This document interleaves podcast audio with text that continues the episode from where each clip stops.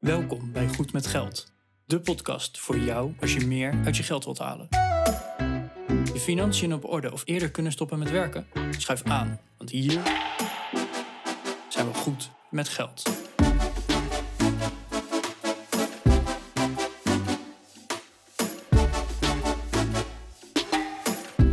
aflevering 174 van de Goed met Geld podcast. Eh, Bas en Arjan hier, en ik zeg Arjan omdat wij in de studio een gast hebben, Arjen. Uh, Arjen is van Moneymeister, een personal finance blog. En we gaan het vandaag met hem heel specifiek hebben over fintech en allerlei ja, fintech-gerelateerde toepassingen. We, we, spreken hem over wat er in de markt allemaal gebeurt, wat voor ontwikkelingen er zijn. En ook wat hij persoonlijk, uh, ja, waar hij persoonlijk gebruik van maakt. Hè. Denk aan zaken als Revolut of uh, bepaalde crypto-toepassingen. Uh, het is een heel interessant gesprek geworden. Dus ik zou zeggen, ja, ga lekker luisteren. wil je wat meer weten, check dan even onze website. We hebben de show notes gepubliceerd op goedmetgeldpodcast.nl slash 174. wil je ons nou een persoonlijk bericht sturen, kan dat op goedmetgeldpodcast.nl slash contact. En wil je meer van Arjen weten, dan kan je moneymeister.nl even checken. En voor nu, heel veel luisterplezier.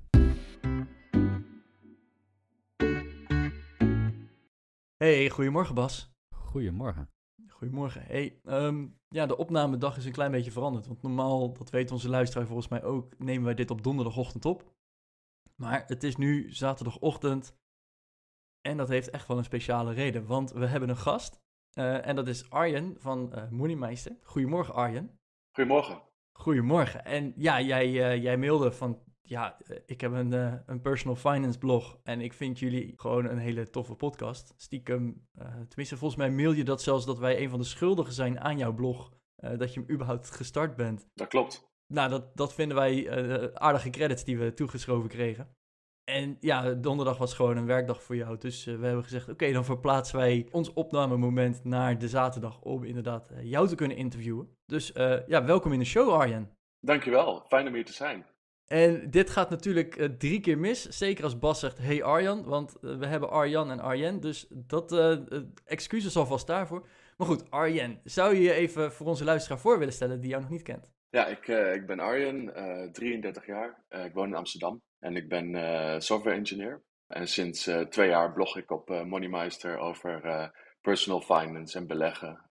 En zoals je zelf ook al zei, ik ben daarmee begonnen ook een beetje door jullie ik liep al een tijdje rond met het idee om, uh, ja, om een, een, een, nuttige hobby te creëren. En finance vond ik altijd interessant. En uh, ik ben dus begonnen met podcasts gaan luisteren en uiteindelijk de knoop doorgehakt om ook, ook zelf uh, te gaan bloggen. Nice. Waar zat dat voor jou in, dat je zegt van er zijn zoveel blogs, ik ga er ook eentje beginnen? Ik dacht dat ik nog wel wat toe te voegen had. Um, en ja, je had het over een nuttige hobby. Dus ja. is dat dan ook een extra reden geweest? Of zeg je nou, de, al die andere bloggers, dat, dat kon gewoon veel slimmer? Of zaten er onderwerpen bij waarvan je zegt, die moesten per se online komen en die zag je nergens? Waar, waren dat redenen? We gaan het natuurlijk over fintech hebben en ik zie, zie wel dat daar zeker toen ik daarmee begon nog vrij weinig over geschreven werd. Uh, sowieso uh, vind ik het ook leuk om mijn eigen financiële situatie te delen. Dus te kijken van nou hoe, wat doe ik met mijn beleggingen? Uh, dat zie je wel meer op blogs natuurlijk. Ja en op, op die manier toch iets toe te voegen nog aan dat online landschap met uh, financiële blogs en podcasts. Ja, zoals je inderdaad al aangeeft, we gaan het over fintech hebben. Want we hebben je natuurlijk gevraagd voor ja, we hebben heel veel personal finance bloggers al te gast gehad en dat vinden we heel leuk. Maar hè, de, de, algemene deler is personal finance, maar wat maakt je uniek en wat, waar liggen je interesses? En bij jou is dat fintech. Zou je even kort uit kunnen leggen wat fintech nou is? Want hè, de, het, het is een term die je steeds vaker hoort, maar wat is fintech nou? Ja, fintech is, is een uh, samenstelling van twee woorden, financial uh, en technology. En fintech bedrijven uh, die combineren financiële dienstverlening met innovatieve te technologie. dus je ziet dat de, de grootbanken zoals Rabobank en ING, die gaan ook steeds meer die kant op om slimme toepassingen toe te voegen aan hun mobiele apps. Maar die fintech bedrijven die, ja, die doen dat nog sneller, omdat die waarschijnlijk helemaal vanuit blank beginnen. En um, dit soort bedrijven, ja, die, die schieten tegenwoordig als paddenstoelen uit de grond. Omdat, je, omdat natuurlijk alles steeds meer online gaat. En daar voegen zij dus echt een, een um, voegen ze echt wat toe. Wat zij bijvoorbeeld doen is dat je. Um, bij fintechbedrijven gaat alles online. Dus als je bijvoorbeeld een een online bankrekening afsluit bij een uh, fintechbank, hoef je niet uh, meer naar het bankkantoor om je te identificeren. Je hoeft geen post meer op te sturen. Dus alles kan gewoon makkelijk vanaf je mobieltje. En ik denk dat daar voor mij heel erg die uh, interesse is ontstaan. Het is, het is heel toegankelijk en eigenlijk uh, werkt alles nog veel makkelijker dan met uh, de traditionele bankieren-apps. Ja. ja, we hadden het in, uh, in onze voorbereiding inderdaad ook over. Banken die zijn nogal traditioneel. En ik krijg altijd een beetje een beeld, en dat is tegenwoordig best wel onterecht, maar ik krijg altijd bij grote banken nog een beetje zo'n beeld van grijze mannen, zwart pakken. Ja. Het liefst met een stropdas en zo'n aktekoffertje die dan binnen wandelen, die doen hun werk en gaan om vijf uur weer naar buiten. Wat ik zeg, waarschijnlijk compleet onterecht tegenwoordig, want hè, ze gaan echt wel met de tijd mee. Maar technologie in, in de bankenwereld, dat is er nog niet zo heel lang. En dat, dat ontwikkelt wel. Maar andere technologieën die waren er al. En toen kwamen de banken van, oh shit, wij moeten ook wat gaan doen in, in de financiële wereld. Dus dat er zelfs een, een woord aan zich voor is gemaakt, hè, fintech.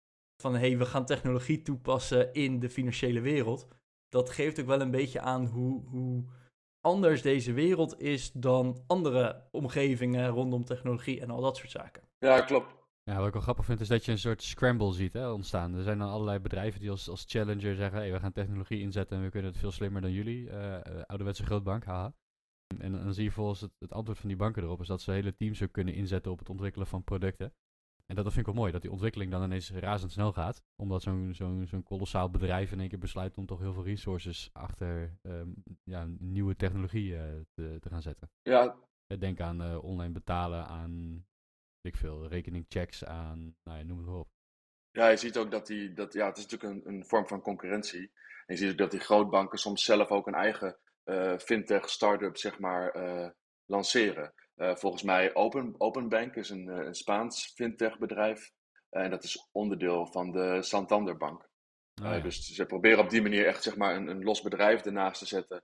Dat helemaal los staat van misschien oude werkmethodes of een heleboel legacy waar ze nog aan moeten werken. Zodat ze eigenlijk net zo snel proberen te innoveren als een Revolut of een N26. Ja, en hey, je noemt hier meteen al een, een aantal banken in ieder geval in fintech. Uh, hebben we nog andere toepassingen van fintech? Want hey, je, gaf heel duidelijk al het voorbeeld van ja, zo'n zo'n digitale bank, hè, laten we het zo maar even noemen. Die gaan veel slimmer met dingen om. Dus hè, je adres controleren, dat, daar hebben ze een andere manier voor dan dat je post moet opsturen. Uh, voor je identiteit controleren hebben ze ook weer een andere manier. Uh, al dat soort zaken. He, hebben we nog meer toepassingen waarvan jij zegt van nou, die moeten we op zijn minst even noemen als we het over fintech hebben? Ja, bijvoorbeeld wat je ook steeds meer ziet, is dat uh, kredietverstrekkers bijvoorbeeld, uh, die laten, laten je bijvoorbeeld um, op het moment dat zij gaan controleren of ze jou een, een uh, klein consumptief krediet willen verstrekken, laten ze jou met behulp van IDIN, dat is een identificatiemethode die de Nederlandse banken hebben ontwikkeld, laten ze jou inloggen op jouw bankaccount, bijvoorbeeld bij de Rabobank. En dan doen ze bijvoorbeeld een analyse over een aantal maanden van je uitgaven. En op basis daarvan bepalen ze of ze jou een krediet willen verstrekken uh, en hoeveel dan. Dat is ook een toepassing van fintech. Ja, oh wow, die, die kende ik eigenlijk nog niet eens. Ik moest meteen denken wel aan, aan crowdfunding. Uh, er zijn inderdaad een aantal platformen die dat ook zodanig hebben geoptimaliseerd en die gingen dus ook als fintech door. Van ja, uh, stuur inderdaad maar je, je afschriften van de afgelopen 12 of 24 maanden. Uh, en op basis daarvan kunnen wij bepalen van welke risico's heb je en wat kunnen we je lenen. En ik moet zelf ook meteen denken aan Grip en, en al dat soort apps, hè? De, de administratie-apps. Ja, klopt. En het heeft denk ik ook te maken met uh, PSD 2. Dat is de Payment Service Directive 2. Dat is een, uh, een afspraak volgens mij in de Europese Unie, uh, die eigenlijk zegt dat banken, wanneer de gebruiker daar dan toestemming voor geeft, de klant, dat zij ook alle gegevens van die klant moeten delen met andere partijen. En dit maakt natuurlijk de weg vrij voor fintech-bedrijven om dus ook wat met die gegevens te gaan doen. Want mhm. als alle banken, als die wet er niet is, dan zeggen banken natuurlijk van ja, nou, dat doen we niet, dat houden we liever bij onszelf. Ja. En nu kunnen dus fintech-bedrijven door middel van die wet, die afspraken en de technologie die erbij hoort, bij alle banken gegevens opvragen. En je noemde Grip al even. En Grip is natuurlijk een hele interessante app, is uh, ontwikkeld door ABN AMRO. Uh, daar kun je al je bankrekeningen van andere banken toevoegen en vervolgens een overzicht creëren uh, van je uitgaven en budgetten instellen. En dat maakt grip wel extra interessant, omdat heel veel mensen hebben meerdere bankrekeningen. Ja. Uh, ik zelf gebruik bijvoorbeeld uh, mijn ING-rekening voor een heel groot deel van mijn vaste lasten en mijn Rabobankrekening voor andere dingen. Maar als je een totaal overzicht wil hebben, dan is een app als Grip bijvoorbeeld heel handig, omdat je die beide daarin kunt zien, zodat je een echt uh, correct beeld krijgt van je financiën. Gebruik je dan bijvoorbeeld ook uh, zaken als je beleggingsrekeningen in, uh, in Grip, kan je die ook toevoegen? Om, om echt een soort totaalplaatje van je personal finance te krijgen? Ehm, dat weet ik niet zeker. Eh, dat heb ik niet gebruikt. Ik heb ehm, Grip voor het laatst een jaar geleden gebruikt. Dus hmm. het zou kunnen dat ze dat hebben toegevoegd. Ik moet zeggen dat ik dat wel uh, destijds miste. Je hebt wel heel veel informatie over je uitgaven en je inkomsten. Maar je totale financiële plaatje ontbreekt dan nog een beetje. En dat zie je ook bij bijvoorbeeld uh, Revolut of N26. Van, ja, dat, het gaat vooral over uitgaven en inkomsten. En ik heb zelf dus nog heel ouderwets een Google Sheet die ik ook bijhoud om inderdaad echt een totaalplaatje ook van hoeveel heb ik afgelost op mijn hypotheek, hoe gaat het met de beleggingen, uh, om echt voor mezelf een compleet overzicht te creëren. Ja, niet zou ik aan zeggen. Hey, uh, Arjen, wat is voor jou de leukste of de, de meest toffe fintech-applicatie die je op dit moment zelf gebruikt? Op dit moment is het uh, Revolut. Ja, zij zeggen eigenlijk van één, één, we zijn een app voor al je financiële zaken in één. Revolut biedt echt een, breed scala aan diensten aan. Het is een Brits fintech-bedrijf. Inmiddels zitten zij, um, dat heeft ook te maken met de Brexit, hebben zij ook een vestiging in Litouwen. Waardoor zij gewoon uh, een Europese banklicentie hebben en daarmee vallen je te goede bij Revolut. En dat geldt ook voor bijvoorbeeld N26, uh, vallen onder het Europese depositogarantiestelsel. Dat is natuurlijk wel fijn. Maar wat zij dus doen is bijvoorbeeld, je kunt daar um, budgeting by category toepassen. Waardoor op het moment dat je geld uitgeeft via je Revolut-rekening, worden je uitgaven automatisch zeg maar, toegevoegd aan, uh, aan categorieën. Hè? Bijvoorbeeld uh, restaurantbezoek, uh, boodschappen, vervoer. En het interessante is dat je dus elke maand kun je een nieuw budget opstellen. Dus je kunt bijvoorbeeld voor elke, elke categorie, en je kunt ook zelf categorieën aanmaken, kun je zeggen van nou, dit wil ik deze maand daaraan uitgeven. Op het moment dat je dus betalingen gaat doen, en je komt bijvoorbeeld op 70% van een budget van je boodschappen, dan krijg je er ook een melding van. En dan kun je dus ook actief gaan sturen. Dat je zegt, oké, wacht eens even, dit gaat wel hard ja, boodschappen heb je nodig. Maar bijvoorbeeld met restaurantbezoek kun je zeggen: Dit gaat wel heel snel, ik hou even de hand op de knip. Want een, een budget is heel handig, alleen je moet wel dat inzicht hebben om vervolgens erop te kunnen sturen. Ja, hey, maar als ik dit dan hoor, dan denk ik meteen aan mijn eigen Excel-sheet. Hè, zoals uh, elke finance nerd zo ongeveer een, echte eigen finance sheet heeft. Maar daar ben ik echt heel lang mee bezig geweest om dat helemaal op te zetten, op te bouwen, noem maar op. En als ik dan, uh, dan spreek ik wel eens mensen en die zeggen, ja, maar dat kost zoveel tijd. En dan denk ik meteen van, ja, voordat je dat helemaal lekker hebt ingericht, ben je volgens mij ook heel veel tijd kwijt. Kan je daar wat over delen? Hoe, hoe lang duurt het om zo'n applicatie als een Revolut, als een Grip of weet ik het wat, om dat dan in te richten zodat het inderdaad voor jou werkt? Ja, ik denk dat het in de basis, dat je in principe met een, uh, nou, als je, hè, als je eenmaal een account hebt en dergelijke, dat je uh, binnen een kwartiertje heb je een aardig budget opgesteld. Ja, je moet natuurlijk, als je, ja, als je dat budget hebt opgesteld, kun je vervolgens elke maand ook gaan bijsturen. Want je weet misschien, ik kan nu wel zeggen, ik wil 250 euro aan boodschappen uitgeven deze maand. Maar als je eigenlijk nooit het inzicht hebt gehad in hoeveel je uitgaf, ja. dan is dat ook maar een getal. Maar het interessante is natuurlijk dat je na een, een verloop van tijd kun je dat bijsturen. En dan krijg je een realistischer beeld en krijg je dus ook een budget wat past. Ja, dus eigenlijk zeg jij van nou, iedereen die uh, niet vele uren, dagen, maanden, jaren wil spenderen in zijn Excel. Uh, kijk eens inderdaad naar apps die het voor je kunnen doen. En hey, ja, het kost even tijd, want het, het, het moet, het, zo'n uh, app moet ook leren van jouw uitgaven, voordat er inderdaad wat nuttigs over gezegd kan worden. dus tijd, er gaat sowieso tijd overheen, maar het kost ook even tijd.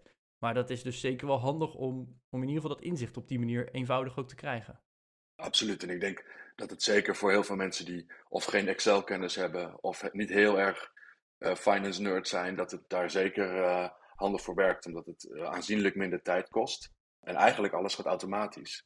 Want alle uitgaven worden automatisch aan een categorie toegevoegd. Kan wel zijn dat het soms eens verkeerd gaat. Hè? Want een, als je ergens bij een winkeltje iets koopt en zo'n Revolut-app of grip kan niet bepalen wat dat is, ja, dan kan het ook, niet, kan het ook geen categorie toewijzen. Maar dat kun je dan volgens zelf Ehm, zeg maar, aanpassen. En de volgende keer weet hij het wel. Dus hij leert ook van de dingen die je aanpast in die budgetcategorieën. ja, oké, nice. Ja, en ik, ik ga toch even door naar een volgend, uh, misschien iets, uh, iets gevoeliger onderwerp in uh, de fintech. Want cryptocurrency valt volgens mij ook gewoon onder fintech. Dat denk ik zeker, ja. Ja, en je ziet natuurlijk ook dat cryptocurrency en normale financiën, dus met gewoon normaal geld, dat dat steeds meer een beetje samensmelt. Ja, ja. want heb jij cryptocurrency? Ja, ik heb een, ja, een, een klein portfolio met cryptocurrency. Uh, waar ik momenteel ook een klein verliesje sta. En uh, ik geef elke maand een, uh, een, vast bedrag uit aan aandelen en ETF's. En eigenlijk sinds een, sinds een jaartje doe ik ook een, een aankoop in cryptocurrency elke maand. Oh ja. Oké, en, en hoe is je verhouding dan een beetje? De, de, in, in hoeveel procent zit dan in cryptocurrency, hoeveel procent zit in de rest ongeveer? Ik denk ongeveer 20% in cryptocurrency. En dan is de, dus die andere 80% is aandelen en ETF's. En daarvan is uh, 60% ETF. Ja, oké. Mm, ja. Dus redelijk veilig.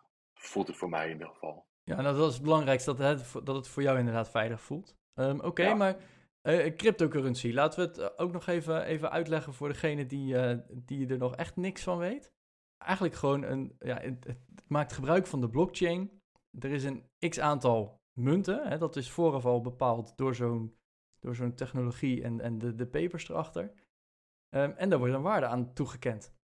Toch? Of, uh, ja, volgens mij is dat inderdaad wel een beetje hoe het ah. werkt. Ik ben geen crypto-expert. Die waarde ontstaat natuurlijk gewoon door de, door de markt, door de verhandelbaarheid. Door vraag en aanbod, ja. Ja, ja wij ja. komen samen en besluiten dat het oké okay is dat ik ze verkoop aan jou voor een bepaalde prijs. Dat, dat komen we in de markt overeen natuurlijk. Dus dat, uh, dat, dat geldt dat is niet anders uh, dan, dan bij aandelen bijvoorbeeld. Ja, nee. maar dan, dan de doelen zijn toch ergens, er moet iets mee gaan gebeuren. Nou, hè, de, de, er zijn toepassingen van NFT's en de, het wordt gebruikt om bedrijven te financieren. Um, maar Arjen, waar ga jij het voor gebruiken? Is het echt gewoon een belegging uh, en net als met aandelen probeer je geld mee te verdienen? Of uh, wil je er uiteindelijk mee gaan betalen? Wat, wat, wat zie jij voor toepassingen ermee? Ja, voor mij is het inderdaad wel echt een belegging. Ik probeer wel een beetje te investeren in cryptocurrency waarvan ik denk, als ik me daarin verdiep, daar zit een, uh, een echte use case achter. Maar je hebt natuurlijk ook heel veel cryptocurrencies die, dat zijn van die, ja, een beetje meme coins, hè, waar gewoon heel veel over gehyped wordt, waar dan eigenlijk niet echt een, een toepassing achter zit. Nou, die probeer ik een beetje te vermijden. En ik hoop dan dat op de lange termijn, dat mocht zo'n uh, project achter zo'n cryptocurrency doorbreken, of mocht dat echt uh, op grote schaal toegepast gaan worden, dat dan die waarde van die cryptocurrency zodanig stijgt dat ik daar een leuke winst uit kan halen. Ja, ja. en dat is dan toch wel uh, een winst in euro's uiteindelijk.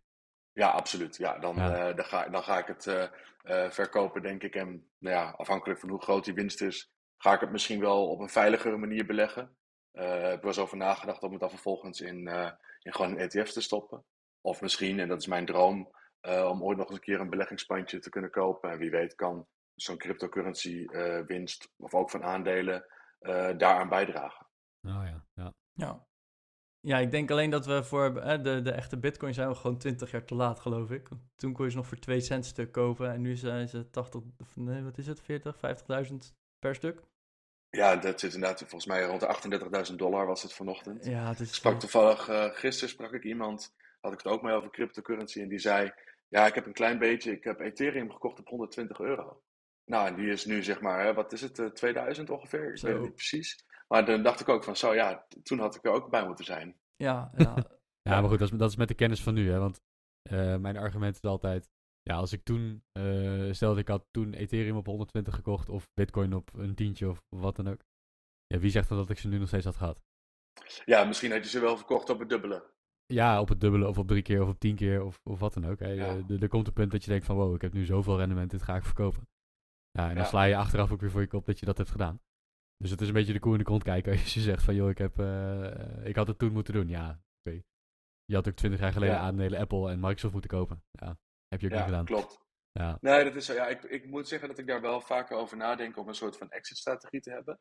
Want mm -hmm. um, ik heb bijvoorbeeld wel gehad dat ik, nou ja, volgens mij in november vorig jaar stond de cryptomarkt best hoog.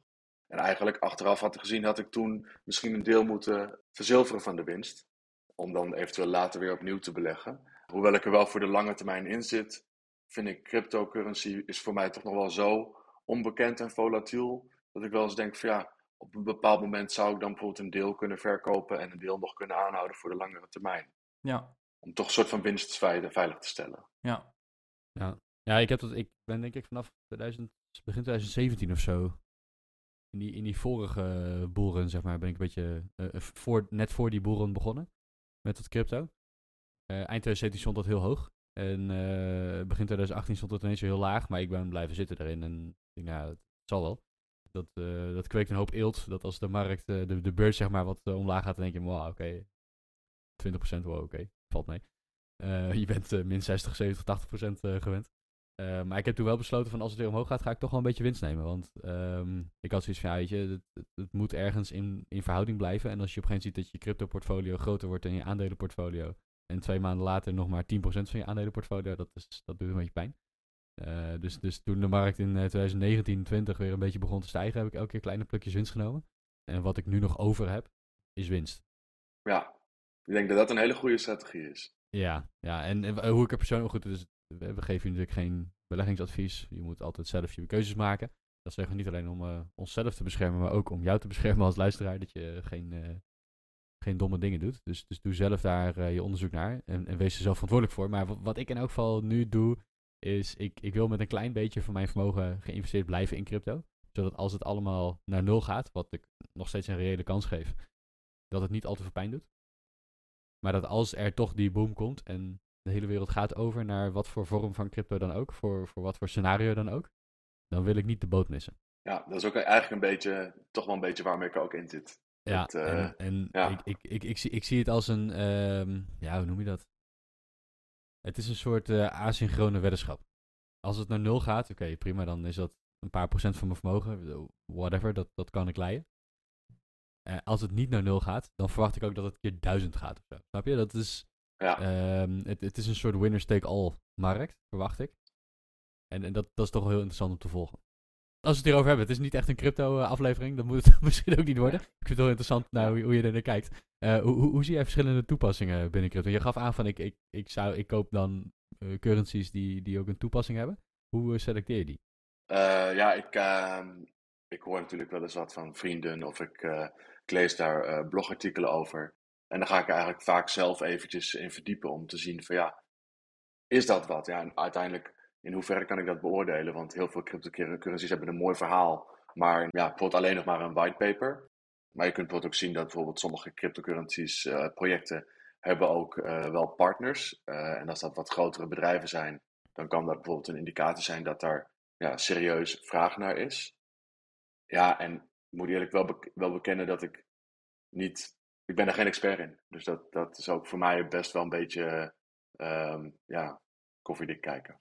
Ja. Als ik dit zo hoor, hè, want heel eerlijk, ja, ik heb ook een beetje cryptocurrency. En waarschijnlijk gaan jullie lachen. Ik heb 0,0000 nog iets bitcoin.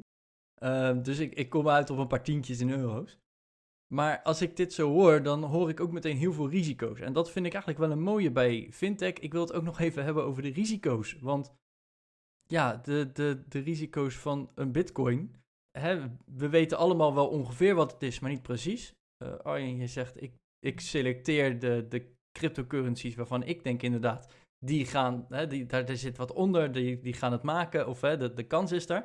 Maar ik zie daar nog steeds risico's. Kijk, bij een bedrijf kan je nog inderdaad zien van, hé, hey, eh, die maken liften, die pompen olie omhoog, of weet ik het wat. Maar hè, dat, dat vind ik bij cryptocurrencies al een stuk lastiger. Maar ook gewoon de technologieën achter fintech. Van, hè, we, noemden eerder al PSD2. Eh, ik weet, en het is wellicht onterecht, maar ik weet dat heel veel mensen dan denken: oh help, eh, de gegevens van mijn bank worden gedeeld met een app. Dat vind ik eng. Kun je daar wat over delen, Arjen? Want hè, je, ja, je hebt er volgens mij best wel op ingelezen. Hoe kijk jij aan tegen de risico's binnen fintech? Nou, inderdaad, ik, ik hoor ook wel signalen dat mensen zeggen, ja, maar ik ga toch niet zomaar mijn bankgegevens delen eh, met een, een app die ik niet ken. Of wat ik ook wel eens hoor is, als er een artikel bijvoorbeeld eh, online staat over PSD2, dat mensen gelijk zeggen, ja, nu gaat de bank mijn gegevens verkopen. Nou, dat is in ieder geval niet zo. Het kan alleen met instemming van, van de klant. Dus je moet echt zelf zeggen, ik wil die toestemming geven. Ja, ik kan me voorstellen dat er wel ehm, dat daar dingen mis kunnen gaan. Dus dat bijvoorbeeld een fintech-bedrijf jouw bankgegevens importeert. En als zij vervolgens een datalek hebben of zij worden gehackt, dat die gegevens dan daar ook ehm, ja, bui, onder, bui- ja, onder vallen, zeg maar. Ja, daar moet daar wel meteen bij gezegd worden, want bedrijven die eh, meedoen met PSD2, eh, daar zit ook een hele certificering aan. Dus een app Ja. die gebruik maakt van PSD2 eh, hè, als, als protocol en, en technologie daarachter en, en meedoet daarmee, die moet ook gecertificeerd worden. Dus hè, wat jij zegt van ja, er kan een datalek zijn, dat is ongeveer net zo groot dat risico als een datalek bij een grootbank. Ja. Eh, omdat die hele cer- certificering erachter, die moet gewoon zo ongeveer perfect zijn. Eh, anders mogen ze er niet eens gebruik van maken. Dus ik denk dat dat wel even heel belangrijk is om, om te noemen. Eh, dat de kans op zo'n hack, ja, die is er. Want alles en iedereen kan gehackt worden. Exact. Maar qua beveiliging is dat echt wel gewoon ook vergelijkbaar met andere banken. En ook al denk je dan dat het een app is, dat, eh, dat gaat wel een stukje verder. Klopt. Waar je- Wat je ook ziet bijvoorbeeld is het, het verdienmodel. Hè? Want dat is ook iets waar je kijkt naar privacy. Ik heb daar zelf niet eh, heel veel over kunnen vinden. Maar, maar de vraag is natuurlijk, waar haalt zo'n bedrijf zijn geld vandaan? En verkopen zij misschien de gegevens wel door aan derde partijen? Dat zal waarschijnlijk in hun voorwaarden staan. En je ziet dus dat wel steeds meer van die eh, fintech bedrijven zoals Revolut en N26, wat die doen is premium accounts aanbieden. Eh, dus dan betaal je bijvoorbeeld een tientje per maand en dan krijg je meer eh, toegang tot toch meer diensten en mogelijkheden. En een paar jaar geleden is het bijvoorbeeld wel Revolut gelukt om met name door die premium accounts ook key te spelen, dus geen verlies te, te maken. Dat is op zich een goed, goed teken, want dat betekent dat ze in ieder geval die gegevens niet door hoeven te verkopen om winst te maken. Ja, Ja, dat is wel een veilig idee inderdaad. Ja, ik zit er inderdaad altijd van de, de risico's op zich. Er zijn een hele hoop al afgedekt, hè? onder andere door zo'n zo'n protocol als P- PSD2. Maar aan de andere kant, waar halen ze het geld vandaan? Ik weet, hè, je, hebt, je hebt ook apps die, die gaan dan door jouw betaling heen en kijken van, hey, zitten er abonnementen tussen die we eventueel op kunnen zeggen? ja, Die verdienen dus geld aan het opzeggen van dat abonnement. Op de een of andere manier lukt het ze om daar nog een fee op te krijgen. ja dat ja, doelt denk ik op Dime. Eh, ja, inderdaad. Volgens mij eh, doen zij dat inderdaad. En zij hebben volgens mij ook, volgens mij is hun dienstverlening niet helemaal gratis. Dus ook daar ehm, moet je al vrij snel betalen om Oh. echt alles uit die app te Ik halen. heb wel eens eh, een, een review er inderdaad over geschreven en toen was het inderdaad nog gratis in ieder geval. Maar ze, ze verdienen dus inderdaad aan, hè, we kunnen het voor je opzeggen, we hebben modelcontracten, maar we, je kan het ook goedkoper doen. Hè? Bijvoorbeeld je energie, je internet, je weet ik het wat. Daar hebben ze dan ook inzicht in en daar maken zij gebruik van, van hey, ehm, je hebt nu leverancier A, maar bij leverancier B is het goedkoper, zou je niet daarheen gaan? En zij krijgen dan de commissie inderdaad, eh, terwijl je Mhm. als gebruiker ook goedkoper uit bent. Ja, ja dat, dat is ook een hele interessante toepassing van, eh, van Fintech. Ja. Ja. Maar en, en met die commissies vind ik ook meteen wel een, een leuke. Eh, Jij gaf nog aan, eh, je hebt een cashback kaart. En dan krijg je terug in cryptocurrency, denk ik, of zo. Of de, de, er zijn in ieder geval Ja. een aantal methoden. Ja, ik heb eh, sinds kort hoor, sinds een aantal maanden heb ik eh, een crypto.com account. Eh, dat is een, een crypto handelplaats met ook een eigen cryptocurrency, Kronos, Cro. En bij hun kun je, ehm, kun je een eh, Visa kaart aanvragen. En er zijn verschillende smaakjes. Ze hebben iets van vier Visa kaarten. Eh, en op de eerste krijg je 1% cashback. Als je een andere hebt, krijg je 2% cashback. En verder nog 4 en 8% volgens mij. En wat er eigenlijk gebeurt is op het moment dat je een betaling doet met die Visa-kaart, dan krijg je in mijn geval 2% van dat bedrag terug tegenover de huidige koers van hun eh Kronos eh, coin. Hmm. Dus als je, ehm, dan moet ik goed rekenen, als je eh, 10, 10 euro uitgeeft, dan krijg je dus, oh, wat slecht 20 is. cent terug. 20 cent, ja, krijg je eh 20 cent terug in hun eh, eh, Kronos coin. En dat is wel interessant, want zo'n cryptocurrency kan natuurlijk gigantisch stijgen in waarde. Dus als je nu zeg maar bij wijze van één Kronos krijgt, en dat is een heel klein beetje geld waard, kan het natuurlijk wel zo zijn dat die over vijf of tien jaar, dat die koers gigantisch gestegen is. En dan is dat dus veel meer waard. En wat als die dan daalt? Dan heb je dus een cashback van eh, niet 2%, Van niks. maar een kwart procent. Ja. Ja, bijvoorbeeld. Ja, dat is natuurlijk het risico. Nou, ik wil zeggen, als, als hij in een, als hij in een no gaat, heb je natuurlijk geen cashback. Dat, dat is dan waar je, waar je uiteindelijk op gaat uitkomen. Waar, waar ik wel heel benieuwd naar ben, is what's in it for them? En, en, en, en wie is them? Wie zit erachter? Zijn zij eh, de eigenaar en houder van al die munten bijvoorbeeld? En is dit een manier om ze in omloop te brengen en de waarde van hun eigen munten weer te laten stijgen? Wat? Dat weet ik eigenlijk niet. Nee, Nee, ik ben altijd heel een- benieuwd. En ze- zeker als ik percentage hoor als een, als een, een creditcard cashback. Dat is in de VS best gebruikelijk hè, op, op sommige kaarten. In Nederland Ja. zie het niet zo heel veel. Maar als ik dan een percentage voor 2%, dan denk ik, nou oké, daar kan ik me iets bij voorstellen nog. Maar 8% is wel, eh, dat, is, dat is wel grof. Veel, eh, je krijgt 8% korting op alle aankopen die je doet. Er zit wel een voorwaarde aan. Eh, je hebt een kaart die is 1%, er zitten geen voorwaarden aan, die kun je gewoon aanvragen en dan krijg je 1% eh, cashback. 2% eh, dan vragen ze wel of je eenmalig 350 euro aan hun eh, coin wil steken voor, ik dacht, een half jaar. Dus dat zit dan ook vast. Ehm, en als je naar die 8% kaart gaat, dan is het zelfs volgens mij 35.000 euro om te steken. Nou, dat is wel erg veel. Maar er zit dus wel iets in dat je aan een bepaalde voorwaarde moet voldoen voordat je eh 8% cashback krijgt. Ja, ik heb Ja. dus gekozen voor 2%, want nou, 350 euro, dat vond ik wel prima om even vast te zetten. Maar dat, ja, ze verwachten er wel wat voor terug. En waarschijnlijk geeft dat hun weer liquiditeit of iets in die richting. Ja, Ik heb dus ja. even heel snel mijn rekenmachine er ook bij gepakt. Als je 35.000 euro erin moet steken, dan eh, hè, met een 8% cashback, dan heb, moet je uiteindelijk voor 437.500 aan eh, spullen kopen. Wil je je eh, met 8% cashback het geld een keer terugverdienen? Ja, maar dat geld dat zit vast voor een half jaar, maar dat kun je er volgens wel weer uithalen. Oké, oh, de- eh, de- het, het blijft wel van jou, laat maar zeggen. Als die token niet failliet gaat in de tussentijd. Of als Ja, die coin niet verdwijnt. ja. Of, eh, ja, ik vind het altijd ik vind het wel op, eh, interessant. Maar ja, Ja, je koopt op een bepaald punt koop je dus voor 350 euro aan Kronos. Maar ja, als die Ja. token dus inderdaad in, in waarde halveert, dan heb je na een half jaar ben je wel de helft van je 350 euro kwijt. ja, precies. Ja. Toch, Maar wat ze wel wel- heel interessant doen, is bijvoorbeeld eh, eh, bij de kaart die ik dan heb, als je daar je Spotify van betaalt. Dus gewoon eh, je Spotify betaalmethode, koppel je aan die Visa-kaart. Dan krijg je ook van dat hele bedrag, ehm, krijg je elke maand eh Kronos terug. Dus Hmm. dat is dan eh, bijvoorbeeld een tientje of 8, 9 euro krijg je dan ook nog weer als cashback. En hoe, hoe, hoe, ja, zeg maar, de meer uitgebreide kaart die je kiest, krijg je dat ook voor Netflix en andere zaken. Oké. Dus het kan op zich oplopen. Je hebt gelijk, als die, als die Kronos coin eh, helemaal nul waard eh, wordt, dan heb je inderdaad geen cashback gehad. Maar tegelijkertijd, als je een jaar lang eh, je boodschappen doet bij een supermarkt die Visa accepteert, ik weet dat Albert Heijn het vaak niet doet, maar Jumbo soms wel bijvoorbeeld, ja, dan kan dat best wel oplopen. Ja, en hè, Ja. de- de- hè, de- ik, ik hoor misschien ook wel wat luisteraars zeggen: ja, maar hoe kan zo'n cashback dan opeens ontstaan? Als jij met je creditcard betaalt, dan betaalt de winkelier daar een fee over. Die eh, ergens tussen de, ik geloof, 1 en 3 of 4 procent soms wel over het totaalbedrag. Dus Mhm. hè, uit die fee wordt dan ook zo'n cashback dan weer betaald. En daarom is dat bijvoorbeeld in, in Amerika ook zo populair. Eh, iedereen betaalt daar met creditcards en iedereen krijgt dus ongeveer een cashback over. Of vliegtuigpunten of nou weet ik het wat allemaal. Mhm. Maar dat wordt gewoon betaald door eigenlijk de winkelier, want er zit nog een fee overheen. Dat eh, is altijd wel even Ja. belangrijk om, om hierbij uit te leggen. Ja. Maar als ik dit dan zo hoor, wat, eh, hè, want je hebt een, eh, een personal finance blog. Ja, Waar ligt je doel dan? Ga je vooral dan inderdaad voor de cashbacks en de goedkope onderdelen? Of kijk je inderdaad ook naar de risico's, eh, de, de mogelijkheden van fintech? Waar ligt voor jou de, een, een grens? Eh, hoe bedoel je een grens qua...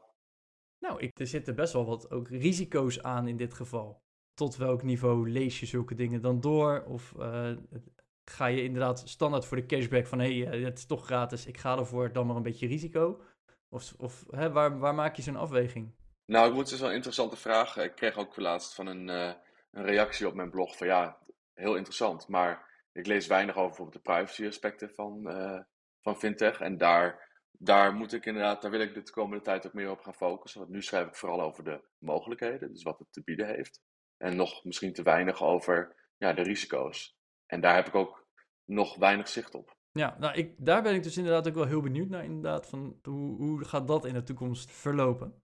Ehm, dus eh, de- voel je inderdaad vrij om daarop eh, op te reageren, ook eventueel onder de show notes, beste luisteraar, of inderdaad, eh, ga Moneymeister volgen. Maar ik denk, voordat we helemaal gaan afsluiten, eh, ook Arjan, aan jou gaan wij onze vijf vragen stellen.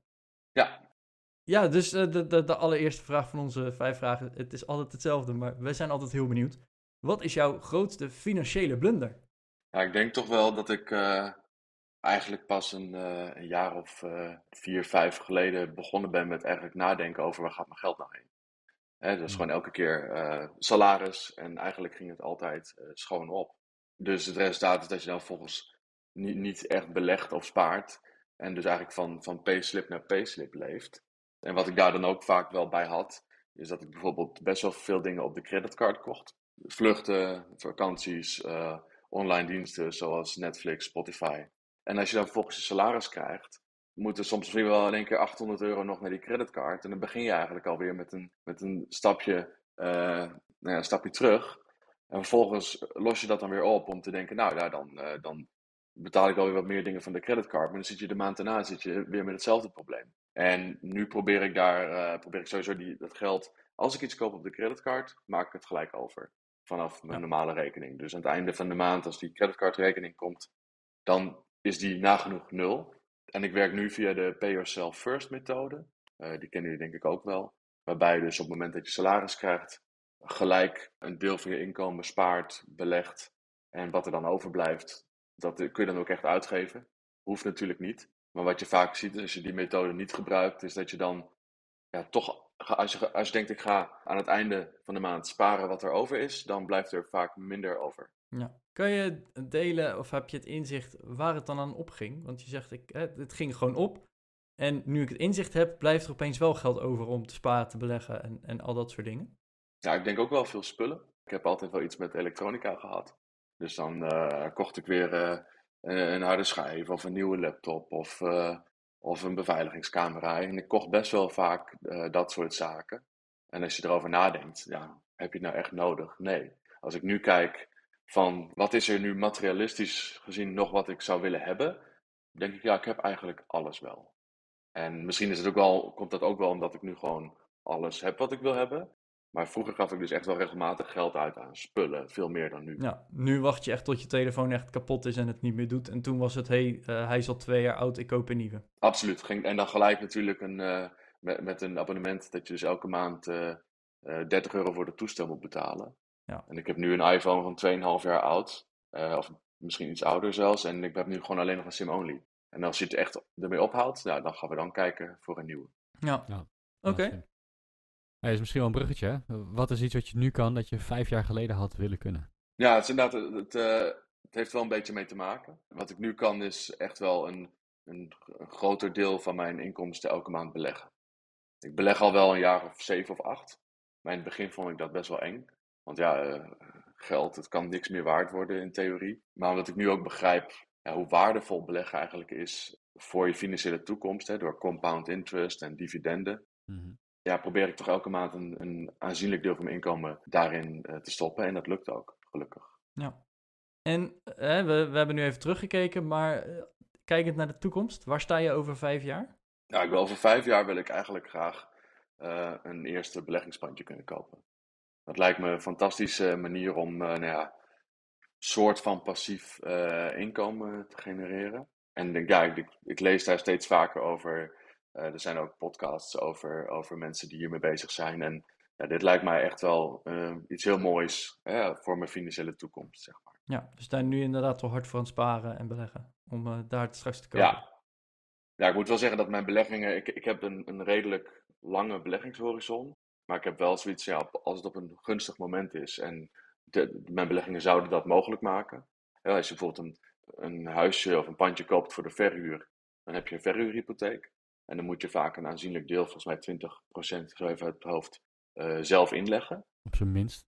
Ja, op zijn minst. Hè? Dus je hebt wel een grote som geld nodig. Hou, hou, reken, hou rekening met 30%. En 30% van de waarde in verhuurde staat, die 10% lager is dan de waarde in de vrije markt. Ja. En je mag ja. nog een keer 8% overdrachtsbelasting betalen en de notaris en de bankafzetkosten. Dus hou er rekening Ja. mee dat je zo'n 40, 45% van de aankoopprijs en ook wel eh, cash moet hebben liggen. En dan nog een Ja. procentje of 70 kunt financieren. Ja. En dan nog een buffertje voor als er gelijk eh, onderhoud Ja, nodig is dus natuurlijk. ja, Ja. ja, ja.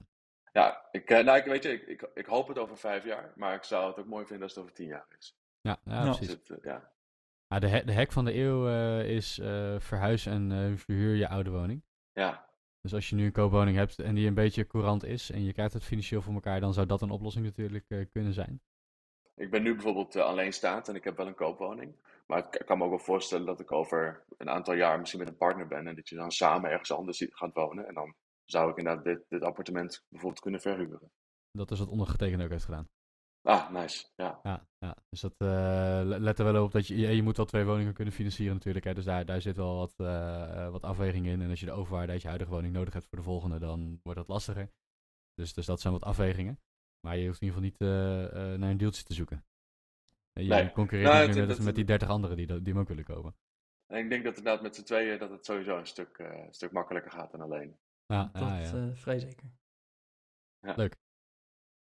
Welke bron van informatie zouden onze luisteraars volgens jou moeten kennen? Eh, nou, wat ik zelf een hele handige site vind, ook zeker voor als je misschien nog net beginnend bent met eh, je financiën op orde krijgen, eh, is de, de site van het Nibud. Die staat eh, ja, echt boordevol informatie waar je richtlijnen kunt vinden voor hoeveel zou ik hier aan uit moeten geven. Of wat ik een hele fijne tool vind, bijvoorbeeld de bufferberekenaar. Misschien ken je die ook wel. Ja. Kun je dus invullen van hoeveel, wat heb ik, heb ik een auto, eh, hoeveel, ehm, met hoeveel mensen woon ik in mijn huis, wat voor huis heb ik. Eh, en vervolgens kan die bufferberekenaar voor je aangeven van ja, om financieel veilig te zitten, heb je een buffer van dit bedrag nodig. Eh, nou, zo, die site vind ik eh, zeker voor eh, beginnende finance nerds heel goed. En ehm, ja, ik weet niet of ik het hier mag noemen, maar Jong Beleggen de podcast vind ik een hele goede podcast als je echt zeg maar wat dieper op beleggen in wilt gaan. Jullie kennen hem denk ik wel. Zeker. En, en zij, ja, zij nemen in een, aantal, een flink aantal afleveringen echt wel heel diep daarmee in. En dat, dat is daarin mee. En dat is wel heel interessant. Ja, ik, eh, en, en zeker als je wil beginnen met beleggen, dan vond ik de eerste tien afleveringen van hun eh, waren heel sterk, omdat er inderdaad uitgelegd werd van hé, wat is nou een aandeel, hoe werkt een ETF en, en al, hè, het, het, van A tot Z word je erin meegenomen voordat je de eerste aankoop doet. Dus dat, dat vond ik inderdaad heel sterk ook van hun. Ja, inderdaad. En ze gaan ook in op de beleggingsstrategie. Want zomaar lukraak aandelen gaan kopen inderdaad of gaan beleggen zonder eh, na te denken over een beleggingshorizon bijvoorbeeld. eh, dat is niet verstandig. Dus eigenlijk, en bijvoorbeeld het verschil tussen groei- en waardeaandelen nemen ze mee in hun eh, afleveringen. Dus dat vind ik absoluut een waardevolle volle Ja. bron van informatie. Ja, nee, helemaal eens. Hey, en de laatste vraag, en we hebben het vandaag over fintech gehad, dus de laatste vraag gaat altijd over het onderwerp. Ehm, wat is jouw advies voor onze luisteraar die meer gebruik wil gaan maken van fintech? Ja, mijn advies is gewoon ga het proberen. Het, mooie van fintech, eh, bijvoorbeeld Revolut of andere eh, tools, is dat het, je hebt het heel makkelijk eh, aangevraagd en aangemeld. Eh, identificatie gaat gewoon via de app. dus er is een hele lage drempel om ermee te beginnen. En je hoeft natuurlijk niet gelijk je salaris daar te laten storten. Je kunt ook zeggen, nou ja, ik, ik gooi wat geld op die rekening en ga gewoon eens kijken hoe dat werkt. En of het wat voor mij is. Ja, als je het, en als je het niks vindt, dan stop je er weer mee. Dus zeker gewoon, eh, ge- geef het een, eh, een kans. Probeer het. Ja, en dan gewoon inderdaad laagdrempelig beginnen, risico's laag houden daarmee. Totdat Ja. je weet wat je doet en of het wat voor jou is. Ja, en als het dan veilig voelt en je denkt, ja, hier haal ik echt eh, eh, voordeel uit of goede inzichten. Ja, dan kun je altijd besluiten om het meer hardcore te gaan gebruiken. Ja, Nice. ja, dus eerst inderdaad zoeken naar de meerwaarde. Nice, oké. Hey Arjen, wij willen je in ieder geval heel erg bedanken om op deze zaterdagochtend vroeg eh, met ons in gesprek te gaan. Eh, mochten onze luisteraars nou meer van je willen weten, waar kunnen ze je vinden? En we, hebben al aangegeven, je, hebt een personal finance blog. Waar blog je vooral over? Eh, nou, ik blog ehm, vooral over ehm, fintech. Ik blog veel over ehm, beleggen. Sinds eh, een jaartje ook steeds vaker over mijn persoonlijke financiële situatie qua beleggingen en investeringen. In het begin vond ik dat wel eens wat spannend, want je geeft toch best wel wat bloot van nou ja, hoeveel eh, de waarde van je portfolio is en dergelijke. Ehm, maar daar wil ik, dat doe ik nu steeds vaker en dat wil ik ook steeds vaker gaan doen. Om, echt een, om het een beetje een persoonlijke kant ook te geven. Ja, en waar vinden ze je? Moneymeister.nl. Moneymeister.nl. En eh, volgens mij staan daar ook weer linkjes naar Instagram en alle andere socials. Ja, absoluut. Ja, helemaal top. Ehm, ja, dus eh, dank voor al jouw inzichten en, en kennis die je vanochtend hebt gedeeld. En beste luisteraar, vond je deze aflevering nou leuk? Eh, deel hem dan ook vooral. Hè? Dat kan op de socials, maar dat mag ook gewoon eh, door eens door te sturen naar een vriend, vriendin op de WhatsApp of weet ik het wat. Want daarmee help je ons ook weer. Want wij proberen steeds meer mensen goed met geld te maken. Dus hè, hoe meer wij deze woorden kunnen spreiden, hoe beter. En eh, ja, wij zijn er gewoon elke week weer. Dus eh, Bas, tot volgende week. Tot volgende week.